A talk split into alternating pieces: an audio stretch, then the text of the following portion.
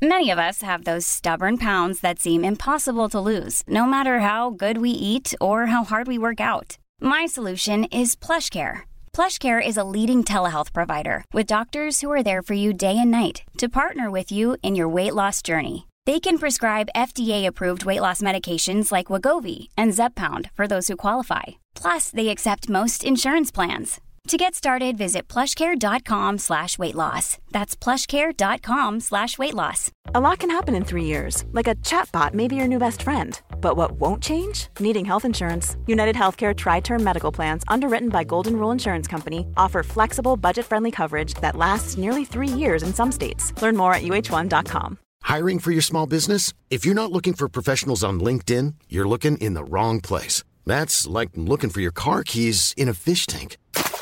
LinkedIn helps you hire professionals you can't find anywhere else, even those who aren't actively searching for a new job but might be open to the perfect role. In a given month, over 70% of LinkedIn users don't even visit other leading job sites. So start looking in the right place. With LinkedIn, you can hire professionals like a professional. Post your free job on linkedin.com slash spoken today. Den här veckan är vi lyckligt sponsrade av Läkerol Dents. Det är alltså tuggpastiller som innehåller 50 xylitol. Jajamän. Xylitolet gör ju att emaljen blir hård. Eh, mineralisering kallas den processen. Det är ju fantastiskt att snaska på någonting väldigt gott samtidigt som du gör mer eller mindre underverk för dina tänder. Och Sanna, du vet ju att Läkerol Dents är min nya kompis den här sommaren. Mm. Och det passar mig perfekt för du vet ju också att jag är en pastillmänniska utan dess like. Jo tack, jag har märkt det. Mm. Det har jag i rakt nedstigande led från farmor Inga som jag tror aldrig har setts utan en Läkerolask på Katrineholms gator. Salig där uppe. Kanske finns hon i himlen. Kanske finns, har hon med sig sina pastiller i himlen? Troligtvis. Du är ju en Läkerol Dents strawberry-tjej. Men de finns också, ska sägas, i smakerna mentol och sweet mint. Och till min stora lycka, vecka 20 så lanserades också den nya smaken raspberry salmiak. Den har gått varm i bilen tur och tur till Göteborg kan jag säga. Alltså vi har ätit till förbannelse ra raspberry salmiak. Så god. Då kan jag passa på att berätta då att man inte behöver känna att man överkonsumerar även fast man eh, sitter i bilen och tuggar i sig. För tanken är om det här ska verka verkligen, den munhygienens xylitol, så ska man ta det efter man har druckit och ätit varje gång. Tre till fyra gånger per dag, två pastiller ungefär. Det är en lagom dos för att det ska funka. ja. Och jag tänker ju att Inga var ju, farmor Inga var ju riktigt smart. Hon insåg ju så tidigt att de här tabletterna också är smarta. Jag tror inte du ska tillskriva henne allt för mycket smarthet. Jodå, jodå. Och så finns de också i en väldigt praktisk liten ask ska sägas. 36 gram, de är lätta att ta med sig i fickan eller i handväskan så att man alltid har dem tillgängliga. Och det är också så fräscht. Det är ju det som är grejen med tuggpastiller av allehanda slag. Att man också känner sig fräsch. Man doftar gott. Man är på gång. Man är beredd på både det ena och det andra. Absolut, det gillar man. Ja, och du vet ju varför jag har skaffat barnlös på min handväska. Tack Läkerol Dents i var kvinnas handväska i sommar. Det kan jag lova. Hej och välkomna till Inte din morsas spin-off Fråga Freud. Fråga Freud, fråga Freud, fråga Freud. Kan vi få lite tysk musik?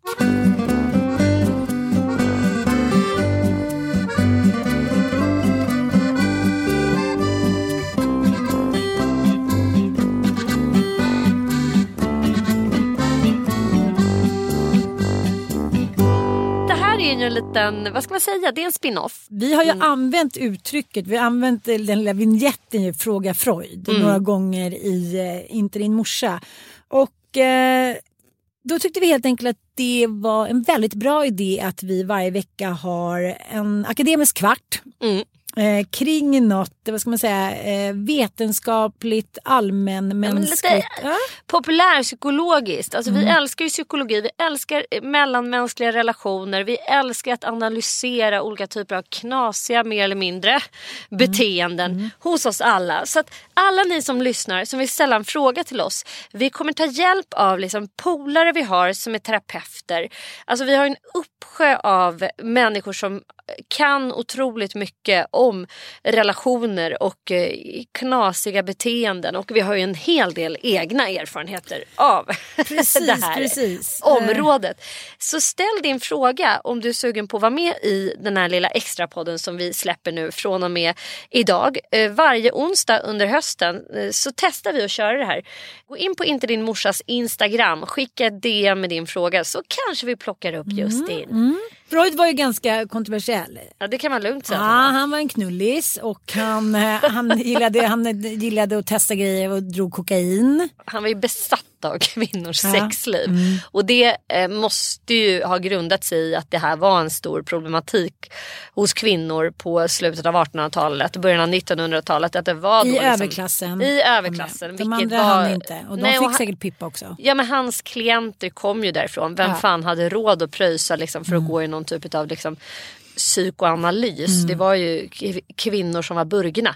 Eh, och de hade då enorma problem för att det var ju inte fint att ligga runt. Du skulle vara oskuld och du skulle bara ligga som någon slags våp och eh, inte ha tillgång till din egen sexualitet i stort sett. Fan, Men han, han eh, hade ju prob- problem med orgasmer som eh, kom av klitorisstimulans. Han tyckte ju bara att det var så att säga riktiga orgasmer om man hade samlag.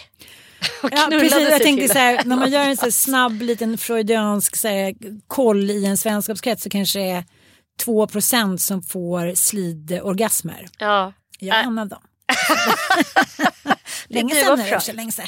Nej men han, han drog sig heller inte för att, liksom, att prata just att Oidipuskomplexet kommer från Freud och han, han beskriver tidigt eh, i sin liksom, läkarkarriär hur han eh, inte, tre, fyra år gammal eh, reser på ett tåg i Österrike vaknar upp lite febrig och ser sin gravida mamma naken. Mm. Och de sexuella känslor som han då Hade kring det. Precis, Mm. och det tyckte han var det är väl helt normalt. Alltså vi måste ändå ge honom det. Han har blivit hyllad och hatad. Och han var ju så att säga en av de första förgrundsgestalterna för vetenskapens psykologi. Alltså att börja undersöka mellanmänskliga beteenden eller mänskliga beteenden generellt och försöka förstå varför vi beter oss udda, märkligt, apart, varför vi mår som vi mår, varför vi har mer eller mindre ångest, varför vi eh, ja, har e- enorma svårigheter ibland med att hantera vårt själsliv och försöka förstå vad är vad. För det här är ju liksom djupt kopplat både till kultur, till tidens kontext, till liksom Ja, det är helt enkelt ett väldigt svårbegripligt område som idag är en helt etablerad vetenskap i framförallt väst. Äh, men du, vi- slänger oss raskt in i dagens fråga som ingen mindre än våran älskade Anita Clemens har eh, spelat in. Och eh, nu ska vi få höra på det. Anita Clemens heter jag. Jag har en annan podd med Ann Söderlund som heter Lille Lördag. Om ni inte har hört den så kan ni alltid checka in den också. Men nu har jag en fråga. Hej Freud! Det är ju ett pågående liksom, debatt kring sharing och oversharing. Och ibland tycker jag att det känns liksom helt övermäktigt att hela tiden uppfinna sig själv på sociala medier. Och dela, ja men jag vet inte, allt från barnens kladdkakor, framgångar och misstag. Och jag funderar på en grej, för jag får jag drabbas av någon form av konsensus ibland och sen så tänker jag nej men det är inte så farligt. Finns det någon mm, liksom, fara i att ö- overshara eller övershara eller vad jag ska kalla det för? Eller kan det liksom minska tabun och stigmatiseringen? Jag skulle i alla fall vilja fråga Freud hur vi ska tänka kring det här och om det finns några fallgropar. Och sen så kanske det klurigaste, får man säga till någon som oversharar? Tack! Alla vi som eh, rör oss, kanske inte lätt och ledigt, men i alla fall dagligdags i eh, den här stora eh, luddiga sjön som kallas för eh, sociala medier eh, vet ju också att allt handlar ju lite om eh, hur man mår i livet, eh, dagsform kanske, eh, men också hur man handskas med liksom sin affekt tycker jag. Så här, hur mycket ska man dela med sig av? Och det beror ju också lite på vilka kretsar man rör sig i. Jag tänker liksom att Svenska Akademin, om någon skulle börja liksom lägga ut kladdkakor och så här halv, liksom sin halvnakna snubbe som Kristina Skelin gjorde på Hans och sådär med halvbånge.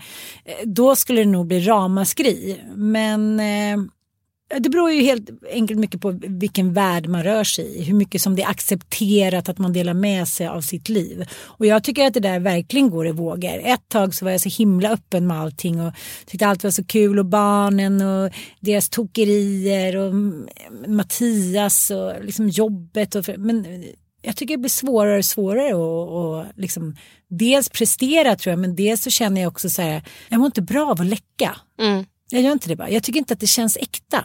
Jag tror att det handlar om någon, att, att vara autentisk och det är svårt att vara det om man ska så här, rapa upp tre roliga inlägg per dag. Det här fenomenet kallas ju då för oversharing. Mm. Sharing and oversharing. Ja, och, var går gränsen? Ja, var går gränsen? Och, och sen så då pratar man ju samtidigt om liksom authenticity. Det gör ju holistic psychologist och en rad andra liksom psykologer, mm. eh, framförallt amerikanska psykologer, pratar ju om liksom att hitta sitt autentiska jag och att liksom bli sig själv och att frångå våra roller och sådär och, och våga vara de vi är och stå upp för eh, hur vi känner. Alltså det här känner jag och det tänker jag berätta om nu. Mm oversharing är ju liksom någonting som kan slå tillbaka på en skulle jag vilja säga. För att det problematiska här att i Anitas fall som ju ändå är en profil på sociala medier som har gjort sig en karriär på liksom sitt konto eller vad man ska säga och som tjänar också pengar på det. Då kan man väl säga att det här med oversharing är en ganska medveten strategi för att nå ut till följare. För det finns ju hur mycket undersökningar som helst som bevisar att ju mer personlig man är desto mer benägna är ju människor att följa en. Mm. Eh, man delar med sig, man ja, blir omtyckt. Man blir omtyckt och man känner. Ja, för det, det, här kompis. med oversharing, alltså det är ett sätt att komma nära. Du tycker att jag har problem med det? Jag, nej, men jag menade det som att man kan använda det som en strategi att liksom bli väldigt nära. Och jag ser det som både en styrka hos dig men också kan jag se det som en risk för dig. För att du har ju en enorm förmåga att skapa liksom vänskapsband även fast du snart äh, du, snart det. Även fast du är du 50 år gammal. Nej men att så här, du Freudian ju... slip my love. Freudian slip. ja, jag, jag förstår det. Jag pratar, har du liksom ja. funderat över det? Så här, din enorma förmåga att skapa, liksom, att, att, få människor att känna sig som att de är dina bästa kompisar. Mm. Jag har ju känt dig i snart 15 år jag har ju liksom kunnat se det. Dels att jag själv blev, du är liksom en av få som jag har liksom blivit så nära vän med i vuxen ålder. Och det måste jag säga till stor del berodde på att du var så, hej, här är jag. Och så bara lägger du hjärtat i handen och sträcker fram. Mm. Och det är ju så underbart att träffa någon som gör det. Men det är också farligt för den som tar ut sitt hjärta och lägger fram det. Mm. För att eh, du måste ju ha en enorm tillit till mänskligheten. Alltså du tror ju gott om människor. Ja. För att jag är, jag är absolut inte så. Nej, jag nej. är jätterestriktiv och har ganska så här. Jag kan uppfattas av människor som att jag är ganska så här svårtillgänglig. Liksom. Vet jag. Eh, ja. Sträng. Jag kommer ihåg att Margita sa det till mig, vår komp gemensamma kompis. Hon bara, nej men det, det man, kan, man kan uppleva dig som att du är ganska sträng. Så jag bara, what? Så jag Vi har ju pratat så. om det du och jag när vi är ute på krogen. Ja. och eh, du har ju sagt många gånger så här, att det känns som att jag eh, har ett DNA som passar ihop med väldigt många. Kemiskt också ja. och eh, det är säkert kanske någonting som man föds lite med men också någonting som man såklart utvecklar. Liksom. Ja. Om man tänker på, på min uppväxt då som, så här, jaha okej, eh, då flyttar vi då, då ska vi in på nästa ställe, då ska vi in på en fest, då ska vi så här, se till att alla är glada hemma man liksom klär sig av och på, av och på den här masken. Liksom. Mm. Men samtidigt kan jag känna det är inte det att jag heller massavverkar vänner. Nej jag menar inte jag det. Har du har ju några, så många vänner. Ja men, men jag har ju liksom såklart några eh, liksom som, ja men bland annat du som är mina allra allra närmsta och jag det kanske man inte tänker på men jag är ju lika sårbar där som du är. Förstår jag menar? Ja. Trots att jag har liksom många vänner runt omkring. Men jag vet inte, jag tycker att det här är så intressant för att vi lever i ett samhälle där liksom det livet vi lever på något sätt kräver att vi ska vara oversharing för att vi ska få vara kvar i våra 15 minutes of fame. Mm. Och eh, så har det i och för sig liksom alltid varit. Att man, här, man kommer och man går, man kommer och man går. Och levererar man inte då, eh, men då åker man ut i kylan. Och eh, ursäkta uttrycket men, men för, förr i tiden så var man ju oftast i alla fall tvungen att ha någon form av begåvning eller utbildning för att bli lyssnad på. Mm. Men så är det ju inte längre idag. Och jag tycker Cissi Wallin har pratat väldigt intressant om det där att man dras med i att liksom följarna eller de som ser upp till en, de vill ha offer. Mm. Och nu kan man ju liksom verkligen se det på olika sätt men vilket också är så här, jaha, vilket jag också kan tycka att det är en så dålig ursäkt, jaha, men vem har bett dig om att ge det offret då? Mm.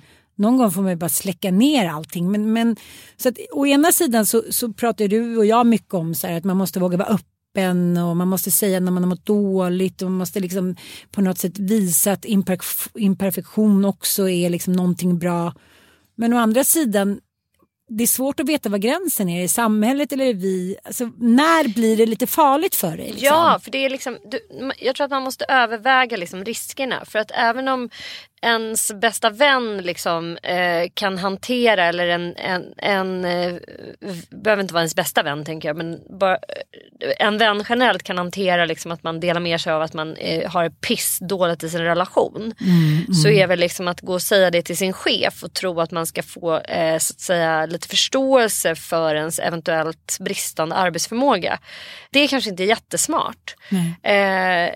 att man i alla fall tänker sig för var man oversharar någonstans. För att samtidigt så håller jag med om att jag tycker också att det har blivit en sån i vår tid när alla helt plötsligt bara har tillgång till eh, publikationsverktyg, att kunna berätta sin, vilket jag tycker är liksom en demokratisk jävla eh, succé eh, under 2000-talet. Att alla jävlar kan gå ut och typ sätta upp stora anslag med vad fasiken de än vill. Eh, mm. De kan marknadsföra sig, sina verksamheter. Alltså alla som driver eget har ju liksom ja, men det, det finns några enorma möjligheter att skapa både ett varumärke men också sin, sitt personliga varumärke. Och att få leka med det och få skapa sin egen identitet liksom, beroende på vad man vill dela med sig av. Men samtidigt så kan det ju som sagt också vara farligt för en eh, i längden tror jag. Och börjar man märka att liksom, ja, men alltså, du och jag är väl skitbra exempel på det. Våran största liksom, eh, fram, framgångssaga var ju ändå Djävulsdansen. Där vi oversharade utav helvete. Ja, där vi så delade med oss av liksom Ja, men vi har vuxit upp i familjer och det är så här, sånt som egentligen var ganska stigmatiserande att dela med sig av den innan. Men till vårt försvar så kan man väl säga att så här, Dels så gjorde vi det helt rätt i tiden. Och sen tänker jag att ska man overshara om man vill dela med sig av någonting. Om man gör det på sociala medier där som i Anitas fall eller som i vårt fall som har ganska stora konton.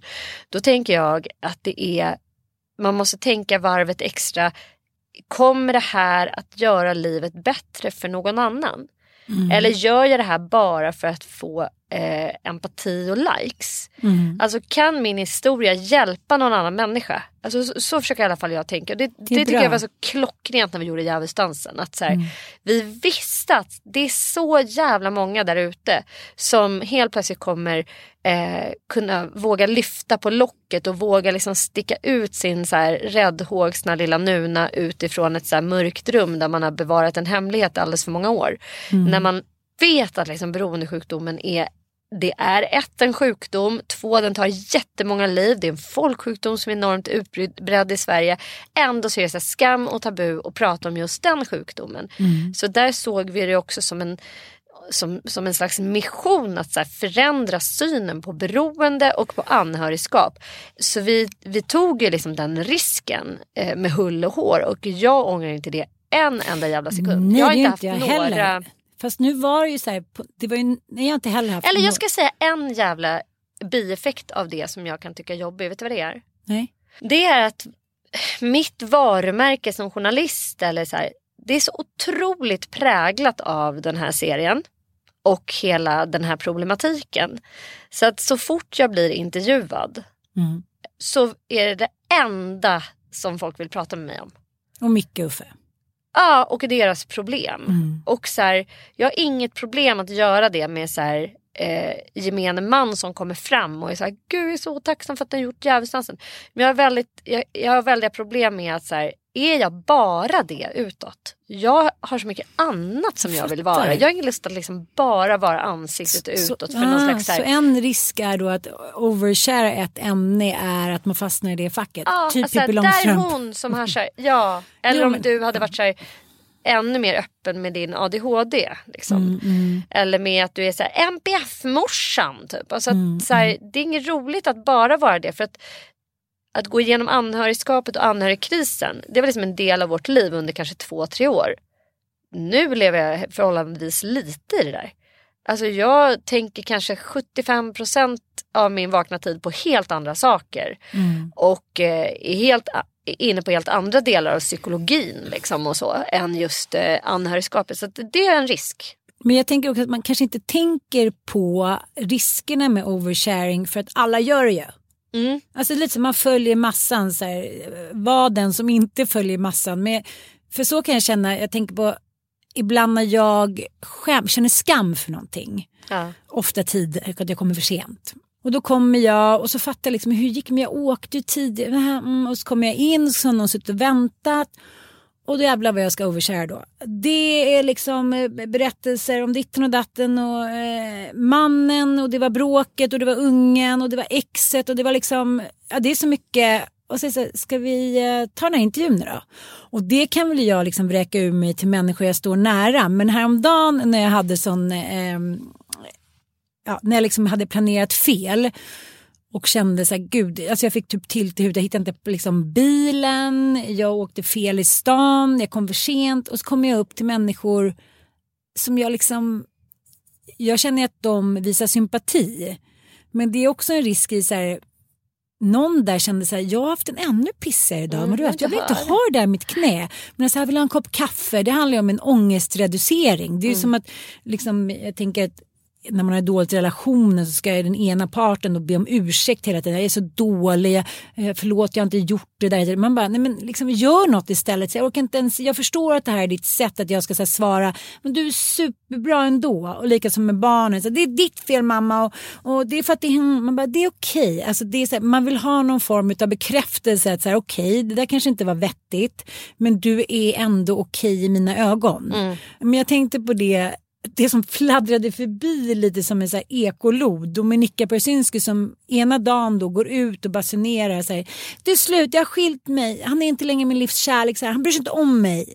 Menar, alltså, det blev ju liksom första sidor, liksom, det blev ju en otroligt ramaskri att hon då ska skilja sig från en av våra största politiker genom tiderna såklart och de har ju varit väldigt offentliga. De har ju verkligen oversharat och det har ju inte varit Anders Borgs liksom, Strategi precis, bakåt. precis, men de har oversharat med det som, som liksom är lyckat. Ja. De oversharade inte att han blev packad och snurrade ballen på en liksom, helikoptern på en fest. Så och nu helt plötsligt så oversharade hon någonting som inte var lyckat. Nej. Och, eh, och så gick det några dagar och sen så ångrar hon sig för det var hennes livs största kärlek. Det är ändå, hon framgår, står ju inte som superseriös. Nej, jag tycker hon framstår som att hon har liksom noll impulskontroll. Och sen ska man ändå betänka att hon är PR-strateg och hon har ju liksom, det har hon jobbat med hela sitt liv. Så en del av mig vill tro att hon bara vill liksom ha lite uppmärksamhet eller skapa någon form av, så här, är det något de har på gång? Ska de släppa en bok snart? Så tänker jag. När hon skapar den här typen av så rubriker och skapar första sidor. För hon, hon verkar så enormt liksom PR-intelligent eller vad man ska säga. Men en annan del av mig känner att så här, nej men det där, alltså hon, hon var typ packad. Eller så, alltså hon bara råkade trycka iväg det där. Och det, ja, jag vet inte, där de tvistar lärde. Vi får se om det kommer någonting. Men mm, en annan eh, idé om oversharing versus liksom att hålla tyst. Eh, Jag, det kommer en dokumentär om Joyce Carol Oates. Den har faktiskt haft premiär på Folkets bio. Det finns ingenting som jag är mer sugen att se. Nej, eh, eh, det är alltså en amerikansk författarinna. Ja, som, man skulle säga att det är liksom en utav eh, den, Ja. mest, den nu levande mest kända amerikanska författarinnan. Och hennes hon har författars... skrivit Blond. Ja, hon har skrivit Blond. Monroe. Eh, som man kan lyssna på med fördel för den är så jävla lång och den räcker Ja. länge. Den är helt fantastisk. lång, ja. Men he hela hennes författarskap eh, handlar ju väldigt mycket om våld om liksom så här, mörker men framförallt våld kan man väl säga att det eh, eh, uppehåller sig kring. Men Malou von Sivers har ju gjort flera intervjuer med henne och hon gjorde en intervju 2008. Joyce Carol Oates har ju levt liksom ett eh, liv där hon har besatt suttit och skrivit sina böcker. Alltså hon är enormt produktiv. Hon har också varit lärare på typ så här, de mest prestigefyllda universiteten i liksom litteratur och litterärt skrivande och sånt där. Eh, samtidigt som hon bara skrivit, skrivit, skrivit och så har hon varit gift med en psykolog. Och då får hon en fråga från Malou, liksom så här, du som har allt det här mörkret och man vet också att hon har haft en fruktansvärd barndom och så här. Eh, och så är du gift med en psykolog. Delar, delar du mycket med honom liksom, om ditt så här, nej nej nej jag pratar aldrig med honom om när jag, när jag mår dåligt säger hon. Vad pratar ni om då? Malou är så här, varför inte? Det är väl jättebra. Nej, men då är hennes liksom svar på det, vilket jag bara, det fick mig att tänka så jävla mycket att så här, nej jag vill inte belasta honom med det. Mm. sen när man delar med sig av sin egen smärta, sin egen ångest, dåliga mående så är det klart att man på något sätt lägger det i någon annans knä. Och vi fostras hela tiden att vi ska vara empater och att vi ska klara av att hantera det och att vi inte ska liksom bemöta en människa genom att ta över deras smärta utan vi ska ändå bara kunna det är bara, du ska bara lyssna och låta det rinna av dig. Tiga och må dåligt. Eller Moderna. du ska, helst inte må dåligt, du ska bara kunna ta emot det där. Och okay. Jag som har läst jättemycket själavård och det ingick ju i min utbildning. Som präst, man ska inte känna sympati. Man ska bara känna empati. Eh, så människor ska liksom kunna komma med liksom allt sitt mörker och bara släppa det i knät och sen ska man gå därifrån och så ska man liksom typ känna sig stärkt. Men det funkar ju liksom inte så. När någon berättar något hemskt, man går ju liksom igång, det sätter mm. igång hela ens, man vill hjälpa släppa, man vill liksom styra upp man vill, och det handlar inte alls om medberoende. Det tror jag bara så här, helt eh, ingår i helt, i helt, och det, det tror jag är framgången när vi oversharar på sociala medier. Att människor engagerar sig. Mm. De är såhär, gud hur mår? Åh stackars dig. Åh. Och så skriver de tusen olika kommentarer. Så att, att overshara det är att liksom ta andra människor i anspråk på ett mm. sätt. Och jag menar inte att det alltid behöver vara dåligt. För det är väl skitbra att vi liksom engagerar oss i varandra. Men när man börjar göra det strategiskt för att liksom, eh, ha vinster av det. Då tänker jag att det kanske är, någonting man borde ta, dra lite grann i. Ja och, det är en an, ja, och det är en annan liksom, fara tycker jag med oversharing. Att man, man blir itutad hela tiden. så här, om, om ja, när du gör något kul då måste du visa upp det. Och sen så är det ju vissa människor som absolut inte vill det. Och det kan jag tänka mig också att, att det kan skapa en distans om den ena, det har jag känt med några kompisar som ett tag var helt hysteriska. Varenda steg man tog skulle liksom dokumenteras ut på story hit och dit. Till slut känns det ju inte som att, liksom, att det är en riktig vänskap utan man ska bara så vara med som någon form av statist för att liksom, de på något sätt ska öka sitt marknadsvärde på sociala medier. Så att, men det läskigaste tycker jag nästan är att när jag själv oversharade i alla sorters medier när jag separerade från min ex, eh, ex-pojkvän. Känslan efteråt att så här, jaha, här, liksom, här spikades jag upp på korset frivilligt ja. och blödde. Och sen så blev jag nedtagen och så här, vad är alla nu då? Som ska ge mig liksom syndernas förlåtelse och liksom smörjelse och ta hand om mig. Nej, de är inte här för nu har de fått sitt nu har, liksom, nu har de fått sitt offer. Mm. Så jag menar, ibland kan man ju känna på när man ser på eh, sociala medier så här, nej, nej, berätta inte det där, berätta inte om det där, nej, nej. Mm. Och så är det så här, bra att du delade, så fint. Och så är det också i vänskap, så tjejmiddag liknande. Så här, vissa är alltid de som ska så här, som bjuckar på sig själva och som så här, delar och är roliga och visar så här, pff, misslyckade medan de andra är Och det kan jag också bli så här jävligt provocerad av. Att säga du vill ha allt från mig för att du ska känna dig mer hel. Och mm. Det får man ju ofta säga, ja, men tack för att du delar med mig, jag känner mig mindre misslyckad. Man bara, okej okay, men vad gulligt sagt. ja men du vet, ja, men jag verkligen så här bräkte ja. på mig så här, imperfect is perfect, bla bla bla. Och det känner jag nu på ett helt annat sätt, så här, fuck off. Mm. Jag delar med mig av det som jag tycker är viktigt. Och då kan jag liksom berätta om erfarenheter och som imorgon ska jag berätta om min mammas liksom cancer och det har påverkat mig. Men då är det för good cause, mm. inte för, så här, för att liksom gamarna ska sitta och bara så här, smaskig, ge mig smaskig. kött, mm. mata mig så jag själv får känna mig. För det är någon, det är någon äckelpäckelkänsla när liksom offentliga och kända människor berättar om sin, sina, sina tillkortakommanden. Jag tycker också att det är svårt. Å ena och. sidan och andra Å andra sidan. sidan. Ja. Som Freud skulle ha sagt. Precis, men vad har vi kommit fram till? Har vi någon liten, liksom, liten slut? Hur, Att akademisk kvart, det blev det ju inte. Det har vi kommit fram till. Men sen kan vi väl ändå säga att eh, det här med oversharing det är ett kulturellt fenomen som vi ser nu. Det är ett samtidsfenomen i, i väldigt hög grad. Och att eh, jag tror att alla skulle må bra av att så, tänka en vända innan man eh, liksom publicerar vissa Och jag tycker saker. vi kan hjälpa varandra också. Jag kan Mm. ha svårigheter med det här med min ADHD. Jag tänker autistiska drag. Så att, att, att människor har på grund av olika liksom, problematik Mm. svårt att kanske tolka det. Men jag läste en rolig, eller rolig, ja det var ganska rolig. Eh, eh, en forskningsstudie från Edinburgh University. Alltid Edinburgh. Ja, alltid. Jag tänker så här, är det där påhittat? Nej, det finns och det är anrikt.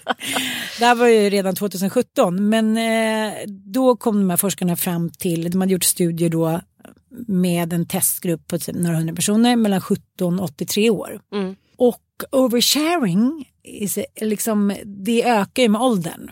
Mhm. Att man, liksom, man, man bara sitter så här, "Ah, ah, oversharing, skit. Alltså jag menar så här, sånt som man är helt ointresserad av.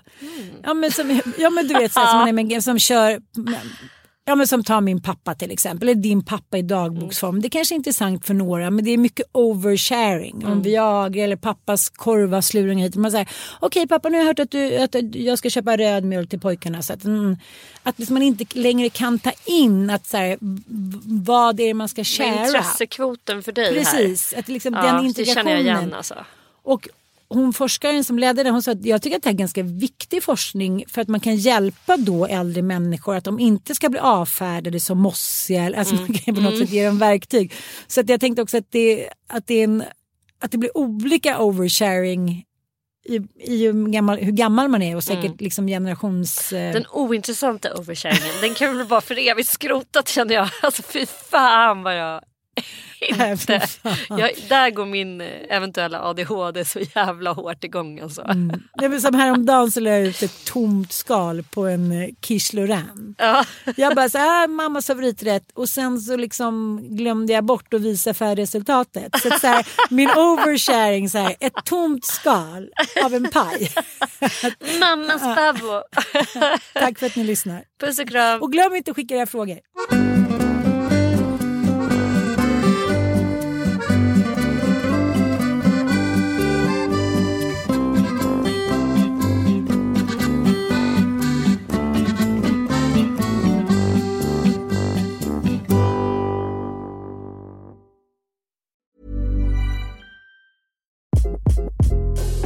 This is Craig Robinson from Ways to Win, and support for this podcast comes from Invesco QQQ. Invesco QQQ is proud to sponsor this episode and even prouder to provide access to innovation for the last 25 years. Basketball has had innovations over the years, too. We're seeing the game played in new ways every day. Learn more at Invesco.com slash QQQ. Let's rethink possibility. Invesco Distributors, Inc. Hi, this is Kristen. And this is Jen from My Mom So Hard. And we're here to talk about By Heart. Do you remember when you were nursing and you were like, I want to give the best thing I can to my baby? Well, we've got that for you. It's called By Heart, and it is a infant nutrition company built from the ground up to deliver real innovation on behalf of babies and parents. Curious about By Heart? Redeem your welcome offer at byheart.com slash podcast with code MOMS20 for a limited time. Additional terms and conditions apply. Tell them My Mom So Hard sent you. Imagine the softest sheets you've ever felt. Now imagine them getting even softer over time. That's what you'll feel with Bowl and Branch's organic cotton sheets. In a recent customer survey, 96% replied that Bowl and Branch sheets get softer with every wash. Start getting your best night's sleep in these sheets that get softer and softer for years to come. Try their sheets with a 30-night guarantee. Plus, get 15% off your first order at bowlandbranch.com. Code BUTTERY. Exclusions apply. See site for details.